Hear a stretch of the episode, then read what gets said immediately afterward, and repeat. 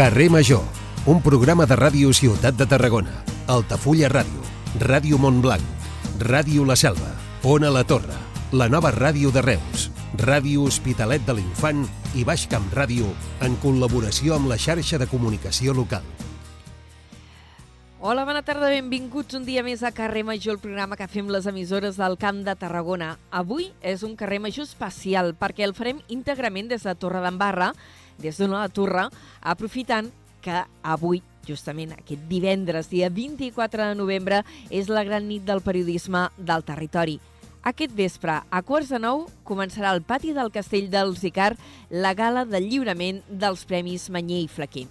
I al llarg del programa en parlarem Primer amb l'alcalde de la Torre, entrevista institucional amb l'Eduard Rovira, i després amb tot un seguit de periodistes de luxe, com el president del col·legi, l'Esteve Giral, en Rafa Marrasser, que és un referent del periodisme d'investigació al nostre territori, Antoni Orensanz i la Joana Zapata. Amb tots ells reflexionarem sobre aquest ofici que tant estimem.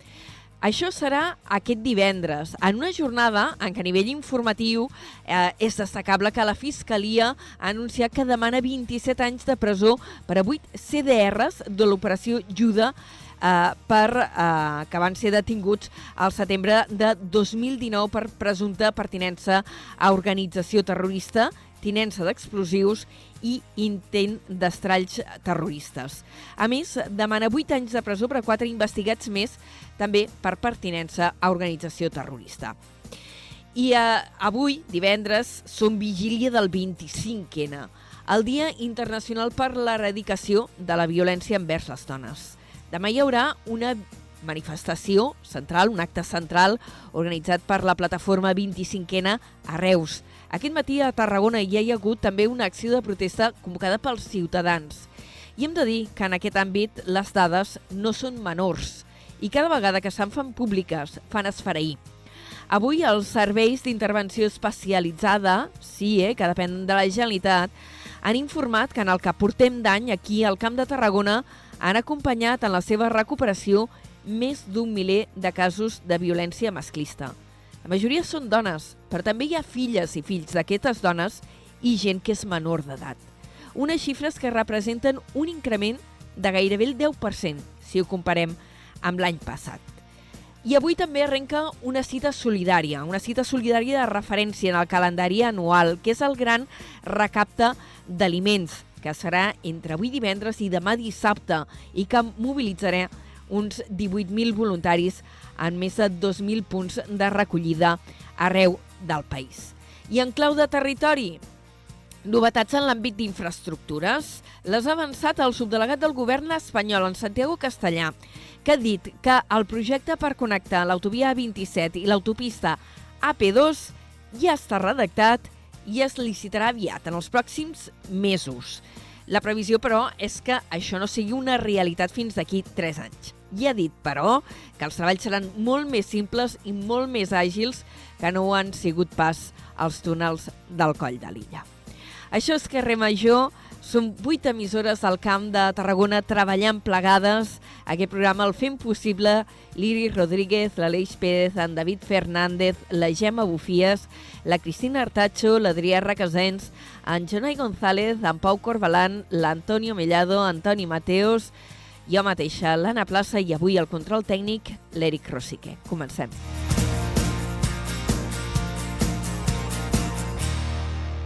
Tot el que passa al Camp de Tarragona t'ho expliquem a Carrer Major.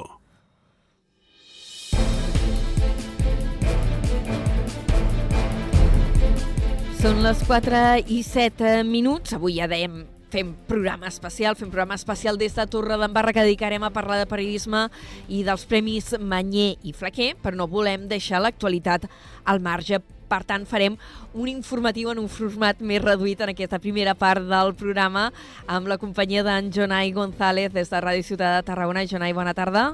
Molt bona tarda, com estàs? I nerviosa i atabalada. per aquesta supermarató de ràdio que farem avui des d'aquí de, des a la Torre. Però tenim moltes notícies per explicar i comencem parlant, ara ho apuntàvem, eh, d'aquest projecte per connectar l'autovia A27 i l'autopista AP2, que ja està redactat i es licitarà aviat. L'anunci l'ha fet el subdelegat del govern espanyol a Tarragona, en Santiago Castellà. Uns 11.000 vehicles passen cada dia pel túnel del Coll de l'Illa que es va estrenar ara fa un mes. Un 10% són camions, tenint en compte que els que transporten mercaderies perilloses no hi poden passar per raons de seguretat i continuen circulant per l'antiga N240. El túnel del Coll de l'Illa, que facilita la connexió entre Valls i Montblanc, correspon al darrer tram de l'A27, però encara queda una peça per resoldre, la connexió de l'autovia amb l'AP2. El subdelegat ha explicat que el projecte ja està redactat i que les obres podrien podrien començar d'aquí un any i mig. També ha destacat que aquest serà un projecte molt més senzill i ràpid d'executar que el túnel. Així com l'obra del Coll de l'Illa era una obra molt complexa, eh, el terreny i la geologia del terreny la feia especialment complicada, eh, la connexió amb l'AP2 és d'un traçat molt lògic i per tant l'execució de l'obra un cop estigui licitada podrà ser prou àgil. Segons els càlculs del subdelegat, la connexió entre l'A27 i l'autopista podria ser una realitat d'aquí a 3 anys. Castellà també ha comentat que estan analitzant les demandes dels veïns de l'illa per instal·lar més pantalles acústiques. L'incendi a la planta de d'oleofines de Rapsol, al polígon químic nord, ja ha quedat completament extingit. La companyia ha informat que la flama romanent que quedava s'ha apagat un cop el dipòsit d'etilè on hi va haver la fuita s'ha buidat del tot. Ara s'estan investigant les causes del succés que es va produir dimecres al vespre i que va poder ser controlat de seguida pels treballadors de la companyia i els bombers del parc químic. L'incident es va originar en un dipòsit a la zona freda de la planta d'olefines que es trobava aturada. No hi ha hagut persones ferides. Han començat ja les accions reivindicatives del territori amb motiu del 25è, el Dia Internacional eh, contra la Violència envers les Dones, que es commemora demà dissabte. Aquest matí un centenar de persones han participat a Tarragona en la concentració convocada per Comissions Obreres i la UGT. Els sindicats han homenatjat les dones assassinades a Espanya durant aquest 2023 i han deixat una rosa damunt un crespó negre per cadascuna d'elles. També han llegit un manifest en el qual han reclamat a les institucions polítiques més fermes per prevenir l'assetjament en l'àmbit laboral i l'atenció integral de totes les víctimes. Mar Vázquez secretària de Polítiques d'Igualtat de la UGT a Tarragona. Eh, no volem cap violència, ens volem vives, ens volem lliures i volem centres de treball lliures d'assetjament sexual. És super necessari conèixer les eines, conèixer el protocol d'assetjament eh, sexual i per raó de sexe. I com hem fent esment, i abans de passar la paraula a la meva companya, a Catalunya hem viscut 14.000 denúncies per assetjament sexual. Avui hi ha hagut aquest acte dels sindicats. Demà dissabte hi haurà la manifestació unitària convocada per la plataforma 25N del Camp de Tarragona, que es farà a Reus a les 6 de la tarda des del Mercat del Carrilet.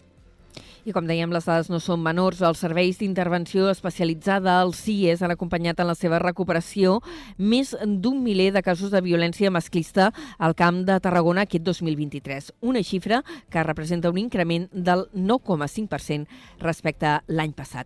En l'àmbit econòmic, destaquem que la Costa Daurada ha incrementat un 3,8% respecte a l'any passat al nombre de visitants. A les Terres de l'Ebre eh, gairebé no hi ha hagut evolució, l'augment ha estat del 0,3%. Les dades s'han facilitat aquest dijous a la tarda en un acte organitzat pel Patronat de Turisme de la Diputació i que s'ha fet al celler de Vilaseca. Aquesta temporada el nombre de pernoctacions ha arribat gairebé als 19,5 milions de pernoctacions i l'estada mitjana dels visitants supera els 3 dies, però s'ha mantingut estable. El mercat internacional ha contribuït als bons resultats de la campanya, si bé gairebé el 52% dels turistes de, és del camp de, perdó, del camp de Tarragona són catalans o espanyols, en el cas de les Terres de l'Ebre aquest percentatge supera supera el 75%. El president del Patronat de Turisme de la Diputació de Tarragona, Carlos Brull, ha avançat que aviat s'activarà un nou espai de treball amb l'interior de la Costa Daurada i les Terres de l'Ebre per donar resposta a les seves especificitats. Aquest espai de treball que activarem en breu farà possible l'entesa i la col·laboració necessària per la redacció d'un pla de promoció conjunt als diferents destins i el patronat. Tothom tindrà veu i ningú quedarà fora de la governança amb l'objectiu de millorar el, el posicionament i la competitivitat turística de la Costa Daurada i les Terres de l'Ebre. En l'acte d'ahir a Vilaseca es van lliurar el Premi Jordi Cartanyà de Turisme i entre els guanyadors hi ha el Parc Samà, el Camping Alfax i Rucs de Montsant. I parlant de turisme, ara de turisme esportiu, perquè 1.800 futbolistes d'equips d'arreu del món han arribat a la Costa Daurada per participar a la Surf, Surf Cup International. El torneig de futbol base masculí i femení té lloc des d'ahir i fins al diumenge i prenen part 128 equips de 22 països i es tracta de la tercera edició on es disputaran més de 300 partits amb la presència de clubs com el Futbol Club Barcelona, el Paris Saint-Germain o l'Sporting de Lisboa, entre d'altres. En el capítol de fet divers hem de dir que hi ha hagut un segon detingut per la mort violenta d'un home en una baralla al centre de Reus a finals de setembre. El primer arrestat, de 39 anys i amb diversos antecedents policials, ja va ingressar a presó a principis del mes d'octubre. Ho ha avançat el diari de Tarragona, que ha indicat que la detenció s'ha fet al Parc Sant Jordi de Reus. La víctima, que va resultar ferida a conseqüència de la disputa, va morir dos dies després a l'hospital. La investigació policial va comportar la detenció del presumpte autor de la mort a principis del mes d'octubre a Terrassa. Hem de parlar també d'activitat municipal. A Tarragona, el grup d'Esquerra Republicana votarà a favor dels pressupostos en el ple que es farà dimecres vinent. Ho han anunciat després d'arribar a un acord amb l'equip de govern per tirar endavant els carrils bici de l'Avinguda d'Andorra i Prat de la Riba.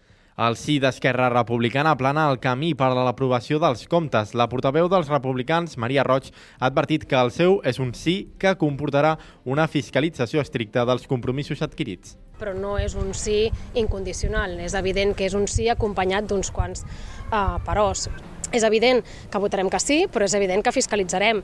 Fiscalitzarem que tots aquests projectes, que doncs, no només hem acordat amb el govern, sinó també tots aquells que ja arranquen des de doncs, l'anterior mandat i tots aquells que doncs, estem d'acord que es tiren endavant, els fiscalitzarem. D'altra banda, els republicans han manifestat que la proposta de pressupostos presentada per l'equip de govern demostra que l'Ajuntament no està en fallida i han criticat de nou la pujada d'impostos. I a Torredembarra un grup de veïns va traslladar el seu malestar per la pujada d'impostos en el ple que es va celebrar ahir dijous. L'alcalde Eduard Rovira va contestar assegurant que l'augment total de l'impost de béns immobles durant la seva etapa al capdavant del govern ha estat del 10,5%, mentre que recordava que en etapes anteriors havia arribat a ser del 60% en 4 anys. Podrem discutir si hi ha una prioritat o una altra, i aquí ja és una qüestió política, però l'ús dels recursos ha sigut raonada, pensada i de la manera més correcta possible, amb tots els errors que hi hagi pogut haver i tot allò que puguem discutir i que voldrien discutir. Però pel que fa a la recaptació d'impostos, per poder fer els serveis que hem de fer, hem estat els més prudents en molt de temps. Repeteixo, amb, el 10, amb, amb un 10,54% en 10 anys, quan els altres períodes, només en 4 anys, en alguns casos del 60%, en el ple d'ahir també es va fer eh, aprovar un canvi urbanístic per crear els accessos al futur nou cap de Torre d'Embarra. I més eh, qüestions, ara ja parlant d'esports. La prèvia del cap de setmana, el Nàstic de Tarragona rep el líder de la categoria, la cultural leonesa, per capgirar la dinàmica de fins a 8 partits consecutius sense guanyar. Els granes no han fet, eh, no han guanyat eh, des de finals de setembre. Per contra, el seu rival d'aquesta jornada no coneix la derrota des de mitjans de setembre. En total suma 27 punts, 7 més que els granes. Els jaonesos arriben amb més a més, amb 5 victòries consecutives, Dani Vidal, tècnic del Nàstic, valora molt positivament que en un moment com aquest la plantilla no hagi deixat de creure en el que fan. Me hace estar muy muy tranquilo porque este grupo de jugadores nos está dando una lección terrible. Y están con una energía tremenda, eh, con una autocrítica importante, no quieren mirar al lado, no quieren utilizar la palabra suerte, solo la, la palabra trabajo, creen muchísimo en lo que se está haciendo y bueno, mañana saldremos a eso, a dar otra buena versión del equipo y a ver si tenemos ese acierto que, hemos, que nos ha faltado quizá en las últimas dos semanas en esos pequeños detalles para llevarnos tres puntos. El duel es disputarà al nou estadi aquest dissabte a les 8 de la tarda i el CBT afronta el primer partit amb Jorge Serna a la, barque, a la banqueta amb l'objectiu d'apropar-se a la zona de permanència. Els blaus viatjaran a Cartagena per enfrontar-se a un equip amb la dinàmica oposada. Set victòries per un equip que és segon classificat. Es tracta d'un repte exigent per Serna, que a més podria no tenir a Ferran Torres disponible. El jugador és dubte arran d'una lesió. El duel es jugarà diumenge a les 12 al Palacio de los Deportes de Cartagena. Doncs moltes gràcies, Jonai. Hem fet aquest repàs així més express del que fem normalment a l'actualitat. T'agraïm molt aquesta col·laboració. Fins després. Adeu.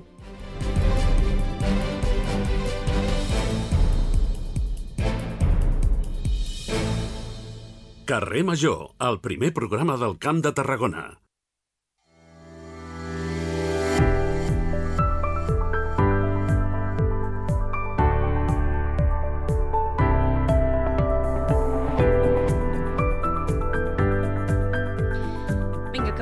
La primera parada d'aquest eh, programa especial. Ja us ho hem anunciat, avui som a Torredembarra, estem fent un programa especial de carrer major eh, coincidint amb que avui es fa la gala de lliurament dels Premis Manyer i Flaquer, és la gran nit del periodisme al Camp de Tarragona i la primera entrevista la farem a l'alcalde de Torredembarra, l'Eduard Rovira.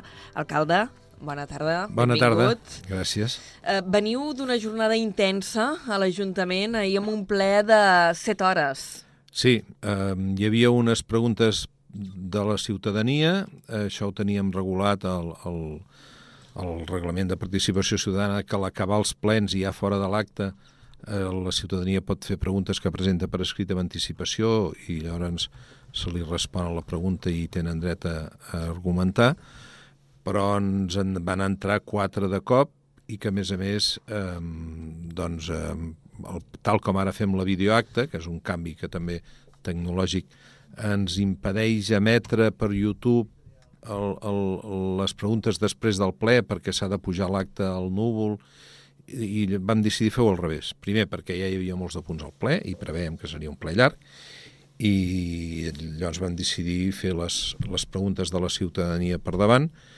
i la qüestió és que va ser molt complicat fer-ho amb un ordre perquè hi havia molta gent que està molt exaltada i està molt nerviosa per l'augment de l'IBI i per la seva ganes de protestar i de queixar i de demanar explicacions no es va poder fer d'una manera tal com està arreglada, de pregunta-resposta i amb interrupcions constants. Um, si hem de fer una reunió amb els veïns perquè puguin dir la seva, haurem de fer-ho d'una altra manera perquè amb un funcionament d'aquesta aquest, manera reglat i després el ple, doncs va ser molt difícil començar el ple també. Mm, si, no, si hem d'anar amb uns temps i amb uns terminis, no es pot fer d'aquesta manera, s'ha de seguir un ordre. Per tant, si hem de fer un debat general amb, sense normes i que tothom digui la seva, s'haurà de fer en un altre moment i en un altre lloc, i aquí al ple doncs, hem de seguir un ordre. Ah. Això va fer que comencéssim ja tard el ple pròpiament dit, i llavors es va allargar. Hi havia molts de punts i... I, I va ser una, una jornada complicada. Li agraïm avui que, que hagi vingut precisament per això, perquè veníeu d'aquesta jornada complicada, perquè també heu tingut aquest uh, matí una altra entrevista aquí a Ona la Torre i sé que l'agenda és apretada uh, perquè, perquè uh, Uh, una entrevista que s'havia d'enregistrar per uh, emetre's dilluns uh, dintre de la Casa de la Vila i, i al vespre hi ha, evidentment, el lliurament dels, dels Premis Manyer i Flaquer, que és eh, el motiu pel qual estem aquí, i l'Ajuntament de Torredembarra són uns premis històrics que es van impulsar des d'aquí, però els hi heu donat un nou impuls amb, amb els últims exercicis. Sí, gràcies a la col·laboració dels que ens han ajudat amb aquesta feina i que vull agrair, com sempre, que és el patrocini de Repsol, que ja fa uns quants anys que, que col·labora amb els Premis Manyer i Flaquer, dins de la seva pròpia iniciativa que té ja, que, eh, que col·labora amb la Càtedra de Periodisme de la URB i que té aquesta dedicació a la comunicació.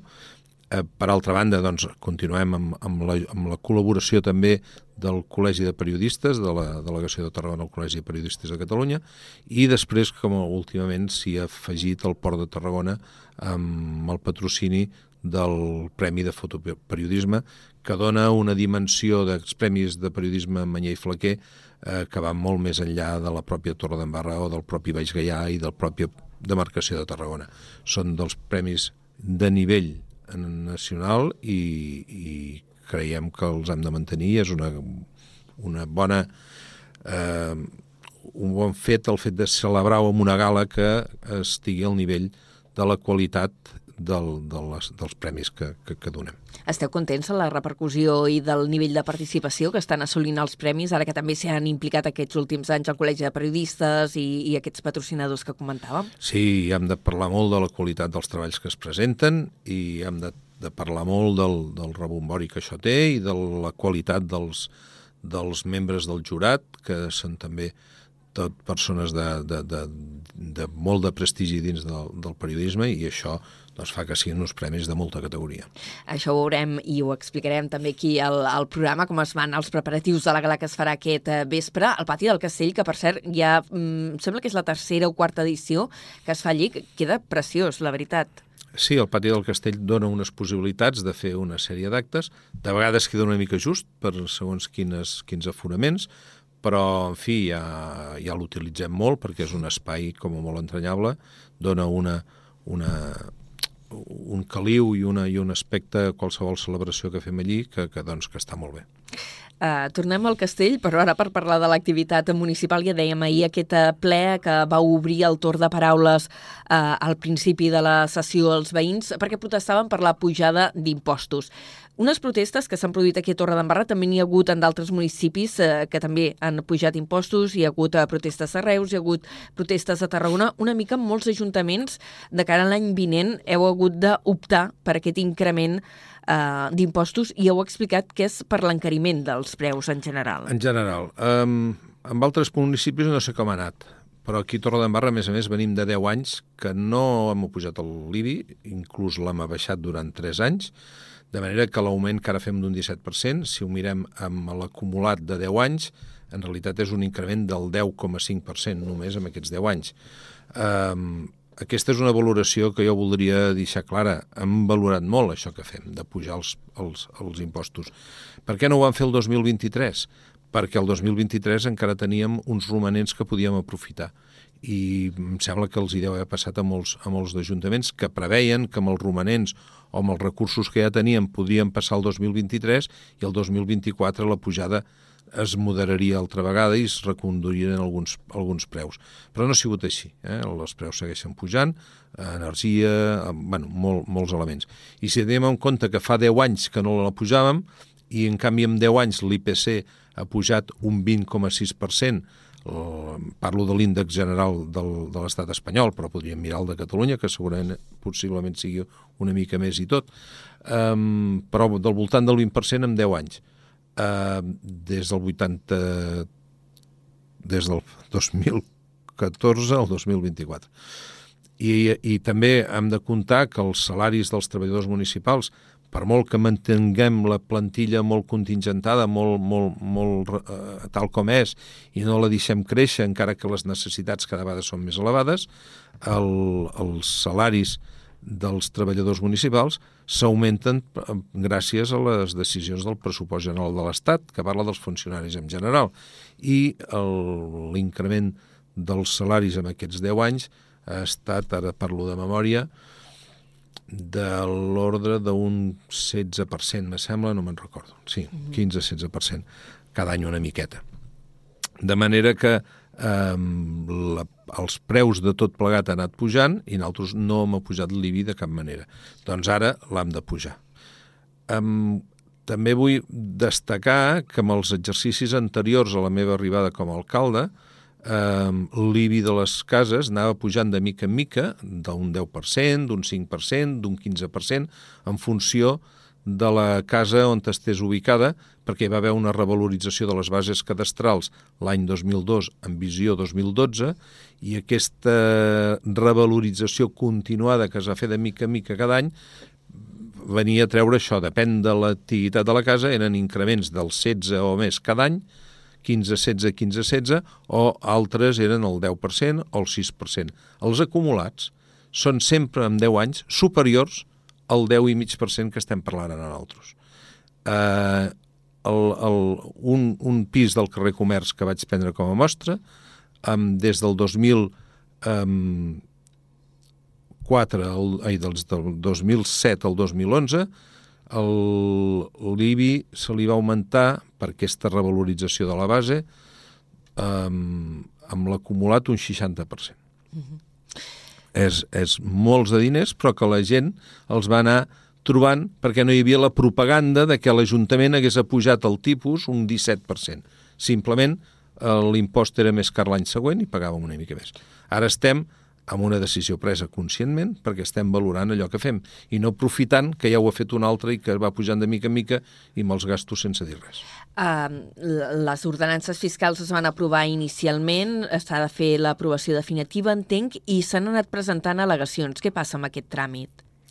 Aquest tràmit, simplement, el dia que s'acabi el període d'al·legacions, es revisaran eh, si són admissibles o no, i en funció d'això es, es, es farà un dictamen per part dels tècnics que es portarà amb un ple extraordinari per poder-ho aprovar eh, o rebutjar les, les al·legacions presentades. En funció, un pic estigui eh, fet el ple i aprovat, es publica el resum de l'acceptació o no de les al·legacions i, i un pic publicat eh, ja entra en vigor el, allò. Això li pregunto per si hi ha marge de fer modificacions en aquestes ordenances fiscals que, que ja s'han aprovat inicialment en funció del que alegui la gent, o sí. hi veu poca possibilitat de marge?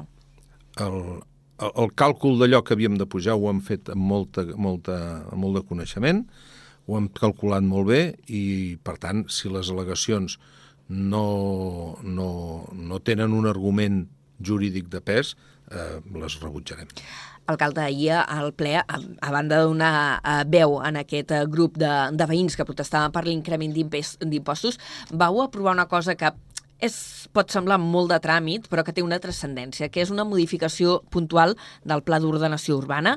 Eh, vau aprovar, per dir-ho d'alguna manera, una permuta de terrenys, una zona que havia de ser zona verda passarà a ser de vialitat, i tot això està relacionat amb el projecte de fer un nou centre d'atenció primària al CAP.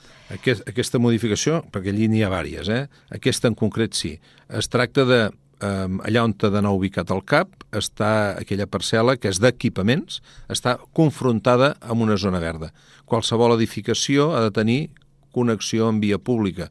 Per tant, eh, se l'ha de donar una via pública que confronti amb aquesta parcel·la. I aquesta és la permuta. Canviem una, la, la, la zona de via pública que hi ha una mica més amunt, que la convertim en zona verda, i la zona verda aquesta del davant mateix la convertim en vial. Eh, I és simplement una permuta dins de la mateixa zona, no es perden metres de via de, de zona verda i simplement s'actualitza o es reubica la vialitat perquè confronti a la parcel·la d'equipaments que ja hauria de tenir eh, amb origen una, una confrontació via pública perquè si no els equipaments no tenen cap sentit. Bàsicament és que s'hi pugui arribar fàcilment, no? Poder-hi fer un no, carrer... No, perquè, un... legal, perquè legalment hi hagi un carrer al davant. Exacte. Uh, uh, serà l'últim tràmit urbanístic encara queda o s'ha de fer algun ajust més per poder fer ja la sessió de terrenys? Tot, totes les modificacions que estem plantejant és de la que se'n diu l'aprovació provisional. L'aprovació inicial ja es va fer fa temps, es va fer la publicació, eh, hi va haver algun, alguna esmena que s'ha corregit, de caràcter tècnic i ara es fa l'aprovació provisional, o sigui, la inicial, ara és la provisional, i un pic aprovat això s'envia al Departament d'Urbanisme eh, de la Generalitat a la delegació de Tarragona que és qui farà l'aprovació definitiva. Uh -huh. uh, és un projecte, el del nou CAP, que depèn de, de la Conselleria de, de Salut. Ja sabem que ja hi estan treballant. Què tal l'entesa i, i com serà aquest futur CAP de, de la Torre, que no només donarà servei a la Torre, perquè també té És, és una àrea bàsica, és àrea bàsica de salut. No és uh -huh. CAP, sinó que és àrea bàsica de salut, que dona servei als pobles del, de la, del Baix Gaià, eh, des d'Altafulla fins a la Riera, la Nou, etc. Eh? Eh, bueno, aquest CAP eh, precisament un pic han pogut fer la ubicació exacta i els metros i tal, eh, els, els tècnics de la Generalitat estaran ara fent el projecte eh, de CAP, que suposo que serà, mm, com molts edificis d'aquests, un, una construcció estàndard, eh, útil i, i pràctica, eh, que, que tingui tots els serveis que ha de tenir l'àrea bàsica de salut de Torre de Barra, que recordo, que ho he dit moltes vegades, però de memòria sempre em deixo alguna cosa, que hi haurà tots els serveis que ara s'estan donant a totes les àrees bàsiques de salut, entre ells la radiologia bàsica, el centre de rehabilitació que ara està en, un, en, una, en, un, en uns baixos a Baix de Mar estaran aquí, el, el materno-infantil mm, s'amplia amb ginecologia i, i... Hi haurà més especialitats, no? Més especialitat, la salut mental eh, també és una de les apostes que fa el Departament de Salut a tots els llocs eh, i ara doncs, no hi ha uns espais prou adients, doncs n'hi haurà i tota una sèrie de, de, de qüestions que estan planificades per part del Departament de Salut per les àrees bàsiques i aquí és on, on eh, aquest espai es podran donar d'una manera completa. De moment el CAP eh, a Torre d'Embarra ja n'hi ha i funciona, eh, també vau haver d'afegir o es van afegir des de la... Uns mòduls uns provisionals mòduls. que urbanísticament com a mòduls provisionals es poden posar però com a definitius no, en aquell espai que hi ha, allò que parlàvem abans de que mm, a urbanisme doncs, hi ha unes regles, Um, el, el fet és que la, la, aquests uh, mòduls han donat un aire, una certa descans en espera de la cosa definitiva, perquè ja portàvem uh, molt de temps de retard uh, per la dificultat d'ampliar el CAP actual amb els espais que encara no s'han desenvolupat urbanísticament, perquè formen part de plans parcials que han quedat interromputs per la crisi de l'any 2008. Eh, I, alcalde, el, el terreny on està previst ubicar-hi el CAP, actualment eh, hi ha unes instal·lacions esportives que tenen una gestió privada, eh, que és el Vall Parc Torre d'Embarra, que ho gestiona l'Àngel Batlle, que ha sigut campió de trial i és molt conegut.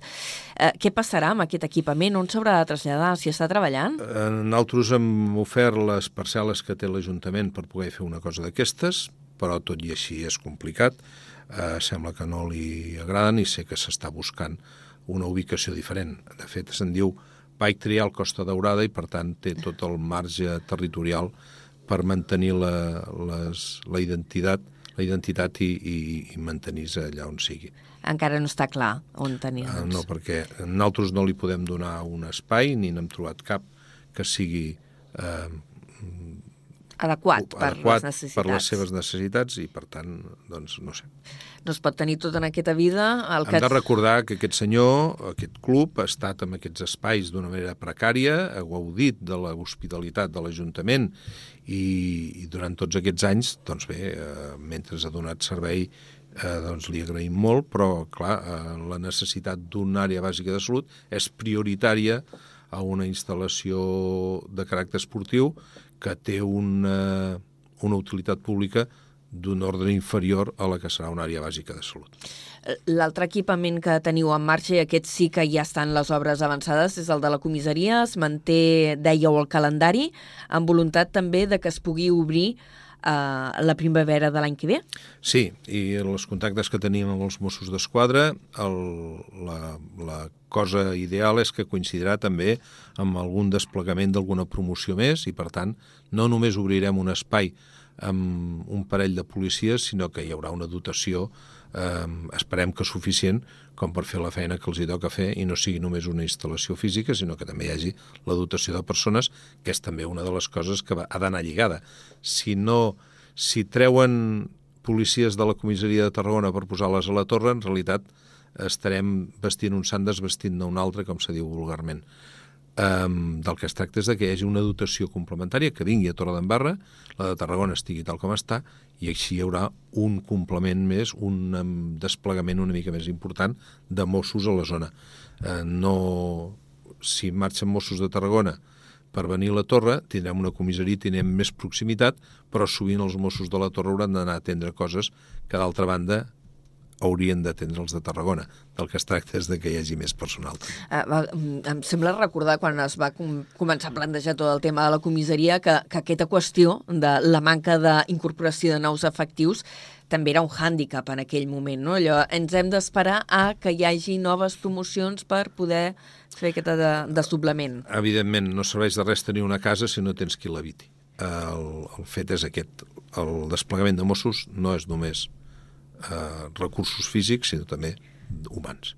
Ahir en el ple, a, a banda d'aquest tema que ja hem parlat de la vialitat per accedir al, al futur, la futura àrea bàsica de salut, aquest ABC, eh, que hi haurà aquí a Torre d'Embarra, eh, també vau aprovar una moció, en aquest cas l'havia presentat la CUP, no la vau aprovar en el text complet, però sí alguns dels punts, en referència als pisos turístics que a més ara hi ha un decret llei nou de la Generalitat que obliga els ajuntaments a fer una, una regulació en, en determinats casos, com és el cas de Torre d'Embarra, que és a partir de 5 pisos turístics, ho dic de memòria, 5 pisos turístics per 100 habitats, que seria sí. la casuística. De...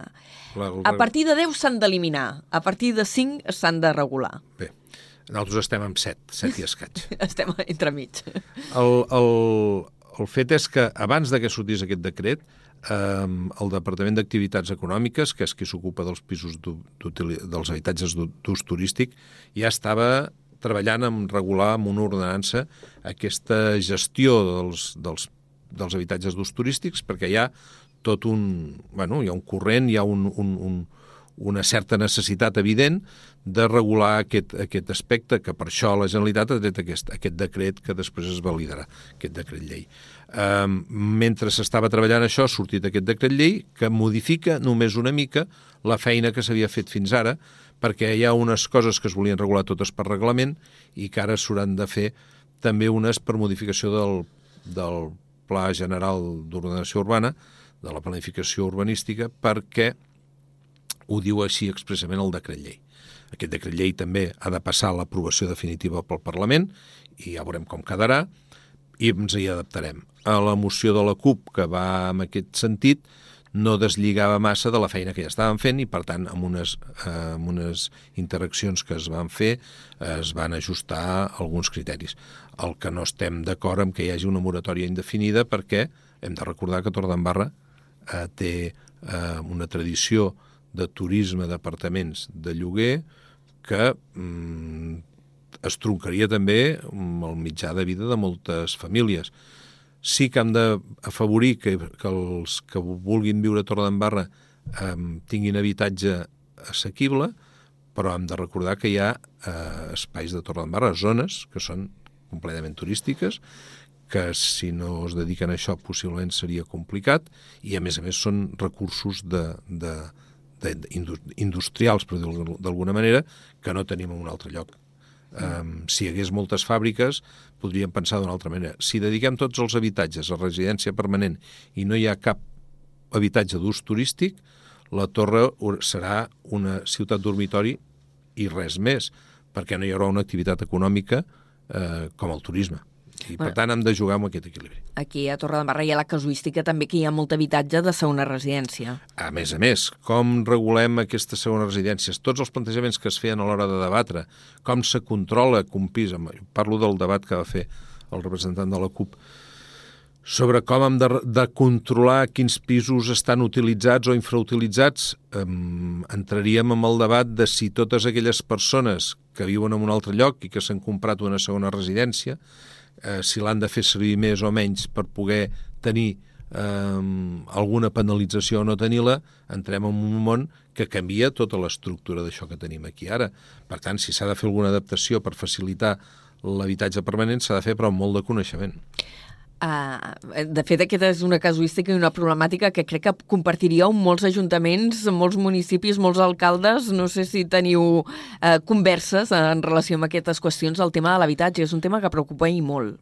El tema de l'habitatge no només surt d'aquesta situació concreta de Torredembarra, sinó que és un aspecte general de, de les ciutats que tenen una tensió habitacional, sigui pel turisme o sigui per altres qüestions les grans ciutats no tenen una atenció habitacional només pel turisme, que ara últimament amb els Airbnb i aquestes plataformes d'utilització s'han creat alguns conflictes nous. Barcelona ja tenia els lloguers molt alts abans dels, dels pisos turístics i abans del boom. Per tant, eh, l'especulació sobre el lloguer és una cosa que és crònica de moltes ciutats des de fa molt de temps i sobretot quan hi ha grans densitats de població i les regulacions que s'intenten fer des de l'administració o bé no tenen prou progressió perquè tinguin resultats, perquè canvia el govern i ho treu, o perquè eh, realment no, no s'apliquen polítiques que siguin eh, prou eficients en aquest sentit, perquè no és tan fàcil, si no ja estaria arreglat. El que passa és que tota aquesta pressió de les grans ciutats i conurbacions, afegint-hi el turisme, sobretot aquest turisme del, de l'apartament turístic amb, amb curta durada, gràcies a les plataformes i la digitalització, i la pressió que té la conurbació de Barcelona i la conurbació de Tarragona sobre poblets mm, on s'hi viu molt bé, com pot ser la Torre, Altafulla, etc. Um, a l'hora de buscar pisos per residir, però que a més a més venim d'una història de turisme, d'apartament i de segona residència, tot aquest conflicte genera aquesta qüestió, però l'hem de regular, i per, però és un conflicte antic que no s'ha aconseguit reduir a molts llocs del món i, per tant, no és una novetat que no és fàcil. I, sobretot, si es prenen decisions amb un criteri determinat, perquè una política d'habitatge doni resultat, ha d'estar treballant al cap de molts anys, perquè si no els, el, les, les accions agressives moltes vegades són contraproduents, i ja s'ha comprovat en altres eh, situacions, si són eh, d'anar fent i, no, i, i les estronquen tampoc donen resultats, perquè els resultats són a llarg, um, i sobretot si canviem de govern i un diu no, no, jo sóc de la llibertat, de la propietat, com deia ahir una regidora partidària de la propietat privada i del lliure ús dels meus diners, i s'anem a polítiques totalment liberals, i cada vegada canviem no arreglarem mai res. I la, la qüestió moltes vegades no és de l'ús del pis turístic, sinó de la pressió habitacional en general. Hem fet ara així una reflexió sobre el tema de l'habitatge que donaria per omplir quatre programes seguits.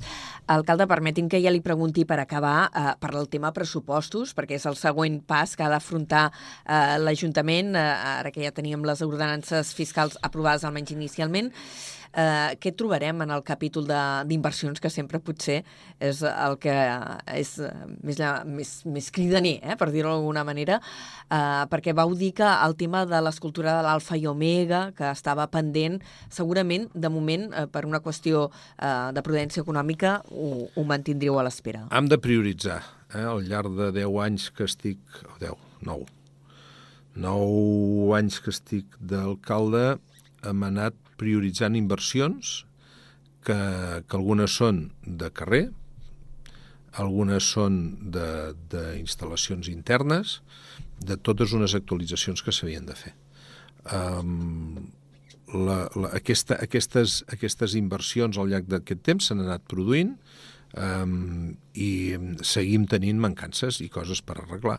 I, per tant, hem de prioritzar aquestes coses que entenem que són d'utilitat i la utilitat de l'alfa i omega és més de simbologia i, per tant, de moment la deixem en un segon termini. Però les inversions eh, les hem d'acabar d'ajustar. Precisament hi ha unes coses que han d'anar davant dels altres i aquesta és l'última discussió que tenim a l'hora de tancar el pressupost. Mm -hmm. De quina manera prioritzem les, les inversions i de quina manera les eh, regulem al llarg del mandat. Per altra banda, també depenem molt de quin és l'última novetat de les subvencions que venen, sobretot de la Diputació, i si hi ha algun puosc de la Generalitat o algun altre, que ens permetria també executar alguna inversió més que hem de decidir quina és primer i quina és més tard. I aquesta és la discussió per acabar de tancar el pressupost, a part d'algun serrell que també queda amb la despesa corrent. Uh -huh. uh, la piscina la veurem l'any vinent? Sí, sí, s'ha licitat l'obra eh, s'ha fet la mesa de contractació de l'exjudicació de l'obra ara fa una setmana, setmana, millor dit, aquesta setmana, si algú van fer dilluns, no me'n recordo ja. Um, I per tant ja és signar contracte i, que, i, i quadrar fer el, el, el replanteig de com s'ha d'executar l'obra de la piscina i, i començar, sí una, un projecte d'aquests heredats històrics, eh, que, que hi ha una piscina descoberta, s'ha de fer coberta. Eh, un altre projecte heredat històric que va quedar a mitges és el del Teatre Auditori. Això, eh, hi ha mm, alguna novetat a la vista o ens mantindrem amb la sala de petit format que s'ha habilitat al vestíbul? De moment, eh, l'únic que ens hem compromès o que tenim davant de la, de, damunt de la taula per poder mm, treballar és fer un projecte de, de, d'habilitació de, de, de l'auditori eh, de la mena que sigui, hem de fer un projecte, però també un projecte d'utilització, un pla d'ús de l'edifici i de l'equipament. I això és el que ens hem compromès a treballar durant aquest mandat. Un projecte i un pla d'usos. I aquest pla d'usos eh, ha de ser sostenible i, per tant, hem de veure si el podem eh, assignar amb alguna empresa que l'exploti i que quedi un marge per les actuacions municipals o, o d'entitats pròpies, però que és un equipament molt gran com perquè el gestionem nosaltres directament. Aquí hi ha d'haver empreses especialitzades o tècnics especialitzats que gestionin l'espai. I aquesta és una altra de discussió que s'ha d'analitzar eh, durant aquest mandat. L'obra, no ho sé, en funció d'aquestes qüestions de previsió de, de projecte, decidirem si l'obra s'encamina amb aquest mandat o s'encarrila de cara a un altre. És una cosa de, de llarg recorregut. Eh, li agraïm a l'alcalde Eduard Rovira, l'alcalde de Torredembarra, que avui hagi passat pel carrer Major. Aquest vespre, a la gala, eh, entenc que lliurarà algun premi, però no sé si li tocarà també jugar algun paper addicional. No ho sé ni jo. ho dic perquè sempre hi ha, hi ha sorpreses eh, sí, en, en, sí. en aquestes gales. M'han dit que hi vagi aviat que m'han d'explicar alguna cosa. Per tant, no t'ho sé dir. Val, doncs ens trobarem amb la, amb la sorpresa aquest vespre, per ser un acte que ja l'anirem explicant, però que també es podrà seguir en directe des d'Ona la Torre i des de TAC 12 si el voleu veure. Molt bé. Alcalde, moltíssimes gràcies. Gràcies a vosaltres. Fins ara. Carrer Major, el primer programa del Camp de Tarragona.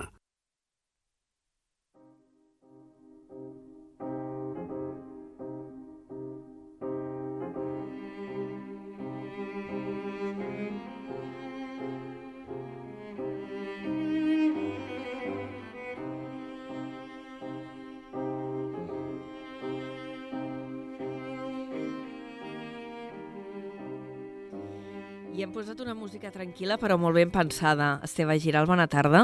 Què tal? Com estàs, Anna? Que, que, content, que, que content que estic d'estar aquí I, i, no, i no ho dic perquè allò per, per complir o perquè toqui dir-ho, sinó perquè ara fa no, un any eh, estava sí? en aquest mateix estudi, per tant ja és com una tradició. El dia, ja saps que això del periodisme a vegades està brallat amb, amb, amb els compromisos quan estan al costat dels compromisos professionals que no et pots eh, saltar i avui ha sigut un dia, toquem fusta uh, relativament tranquil informativament parlant. Estic aquí, estic aquí amb tu. A més a més estic en una, en una emissora que, que m'estimo en un programa que moltes vegades us escolto des de casa Ai, o des del cotxe o des d'on sigui i jo crec molt amb la, amb la ràdio feta des de tocar de, de carrer no? aquí a tocar de, de carrer de la, de la Torre per, per aquest grup d'emissores de, que, que feu ràdio Vaja, encantat de la vida, ja està. A veure, situem-lo, eh, l'Esteve. Hi ha molta gent que li sonarà la seva veu, sobretot si, en, entre els nostres oients també n'hi ha de rac perquè l'Esteve Giral és el president del Col·legi de Periodistes de Tarragona,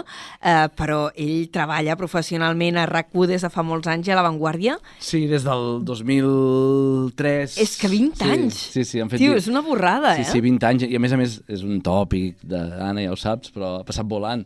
Eh, Buah, que si fa 20 passa anys volant. estàvem fent rodes de premsa a Tarragona, tu i jo, sí. amb un alcalde que es deia Joan Miquel Nadal, Sí. segur que te n'en recordaràs. Sí, érem tots Existia joves. Convergència, no? Sí, Vaja. ostres. Podríem començar a fer ràdio vintage, però segurament no és, no és l'objectiu. Home, mira, també una mica l'objectiu ho és, eh? perquè avui, mm, ja ho hem dit al començar, eh, fem un programa mirant-nos una miqueta al malic per parlar una miqueta de la professió, per parlar dels Premis Manyer i Flaquer, també d'ell. Després, a la segona hora, tindrem temps per aprofundir en la, en la figura d'aquest il·lustre torrenc que va ser precursor del nostre ofici, però també per parlar, això, una mica com estem els periodistes, que és una mica drama. Mira, parlar de nosaltres mateixos, parlar de periodisme, no deixa de ser mai parlar també de la societat, d'allò que passa. Jo crec que al final, com que som una mena de canal de transmissió que recull el que passa. Segurament en aquest ofici que faràs avui de, no, de, de parlar del nostre ofici, en aquest exercici de parlar del nostre ofici, acabaràs parlant segur de la societat i d'allò que passa. Ara fa una setmana estava amb, amb l'alcalde de Torre d'Embarra, que fèiem aquesta jornada dedicada a Manyer i Flaquer. Sí, que en parlarem, unes, després en parlarem setmana, amb no? més detall. Sí. I, I amb ell moltes coses que parlàvem de periodisme, que a més a més em vaig sorprendre perquè a la Torre tenia una, un alcalde que, que déu-n'hi-do com la toca, amb no, el món sí, de periodisme, sí. comunicació, etc.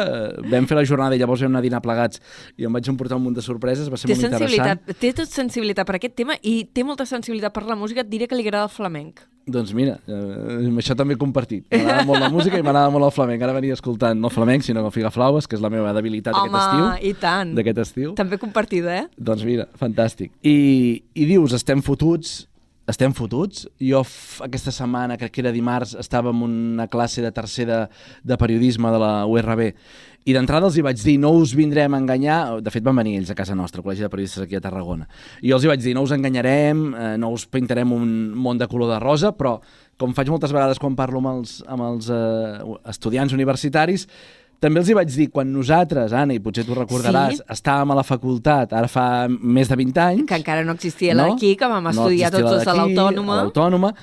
Segur que te'n recordaràs que també ens venien i ens deien eh, molt difícilment us guanyareu la vida com a periodistes. I també venien, i a mi almenys m'ho van dir, eh, "Uf, això està molt precari, està molt fotut, potser estudieu alguna altra cosa més per si no us en podeu en sortir amb aquesta vocació vostra que és el periodisme. I jo els hi vaig dir això mateix, ara 2023, als estudiants els hi vaig dir està fotut, però que ningú es xafi la guitarra abans de començar a tocar. Jo sempre intento defensar això. Lluita per allò que creus, lluita per allò que, que has somiat que algun dia podràs fer ràdio, que algun dia podràs escriure articles i reportatges, que un dia podràs sortir a la tele, amb l'afegitó d'avui en dia que hi ha mil maneres més de fer periodisme i de canals de, de comunicació. Pots fer periodisme a través de, de Twitch, o pots fer periodisme Sí. a través de YouTube, Sí. o pots ser youtuber i explicar un munt... És a dir, eh, És- està és- fotut, està fotut, però està molt diversificat. Està molt precari i des del Col·legi de Periodistes, i ara em poso el barret allò i en plan seriós, eh, lluitem, intentem lluitar i combatre aquesta preca- precarietat, però jo em nego a creure que aquest ofici no tingui futur, perquè de fet és un ofici tan important com explicar allò que passa. Mhm. Sí, però ara eh, esmentaves aquests nous formats, no? que sí Twitch, que sí YouTube, el model de negoci, això sí que és un canvi radical. Totalment. Eh... Els mitjans convencionals, com ara, en aquest en què estem, on, on farem cap? Jo crec que el que han vist i el que estan veient els que en això, diguéssim, hi entenen o, i ho estan estudiant, i ho veig, per exemple, a La Vanguardia, o ho veig a rac que són els dos mitjans on jo treballo més, però també col·laboro amb altres mitjans. La voluntat és intentar convergir, la voluntat és eh, doncs, veure que en aquests canals de comunicació, doncs, mitjans tradicionals, entre moltes cometes, perquè ara això del mitjà tradicional ja pràcticament no existeix, també hi poden trobar un mar on, on, on pescar, en el bon sentit de la paraula, on trobar oients, on trobar lectors, on trobar espectadors, on trobar gent que li interessi tot això. A més a més, amb l'afegitó que és un canal directe eh, per intentar connectar amb la gent jove. I això és fonamental. Jo tinc un nano que ara farà 13 anys i ho veig, viuen en una altra dimensió. Escoltava ara Sí, fa 4 no? dies la- l'entrevista amb en Piqué, eh, que, que, que explicava tot això del, no, de la Kings League, de la Queens League, etc. I ell deia, no, és que no us en esteu adonant compte, aquesta gent van en un altre canal, estan en una altra òrbita. Doncs jo crec que quan aquests es facin una mica grans, segurament també algun dia escoltaran un programa de ràdio com Vols aquest. dir? I si tenim la capacitat, n'estic convençut, i si tenim la capacitat de captar-los, de traure'ls, d'explicar històries que els hi puguin interessar, per què no? Per què no? Uh, em nego també a creure que ja estem passats de moda, que ja no existim, que, que ja la comunicació va per un altre cantó. Uh, Esteve, estem a punt d'arribar al punt de les 4 i 57 minuts, que és el moment en què hem de desconnectar per fer una desconnexió sempre abans de l'hora en punt. Uh, per tant, ara no t'introduiré una altra entrevista perquè si no encara prendríem mal i ens tallarien a sec. Saps quina música t'he posat? Doncs per eh, presentar? sorprèn-me. Era, era Schubert. Era, Era, molt, un... era, un, era un, clàssic, sí, no? una clà música sí, clàssica. Uh, perquè vaig buscar, a veure, contemporanis de, uh, Ah, mira. de Banyé i De Flaquer. Banyé i Flaquer. Vaig buscar compositors catalans modernistes, però el, els que més m'agradaven eren una mica posteriors, i llavors me vaig quedar entre, entre Schubert, que, que això és un trio que m'ha- a mi m'agrada molt personalment, i després sentirem uh, Wagner, que ja li preguntarem al Jordi Bou si, si Banyé i Flaquer era Puc fer un wagnerià. molt ràpid? Molt pels ràpid. que ens estiguin seguint. No penseu que Manyer i Flaquer és una història passada, que no... Hi ha mil connexions amb el periodisme i amb l'actualitat. Només dic això. Quedem-nos amb aquest titular. Uh, ara arriben al butlletí de la xarxa i a la segona hora parlarem d'això i més.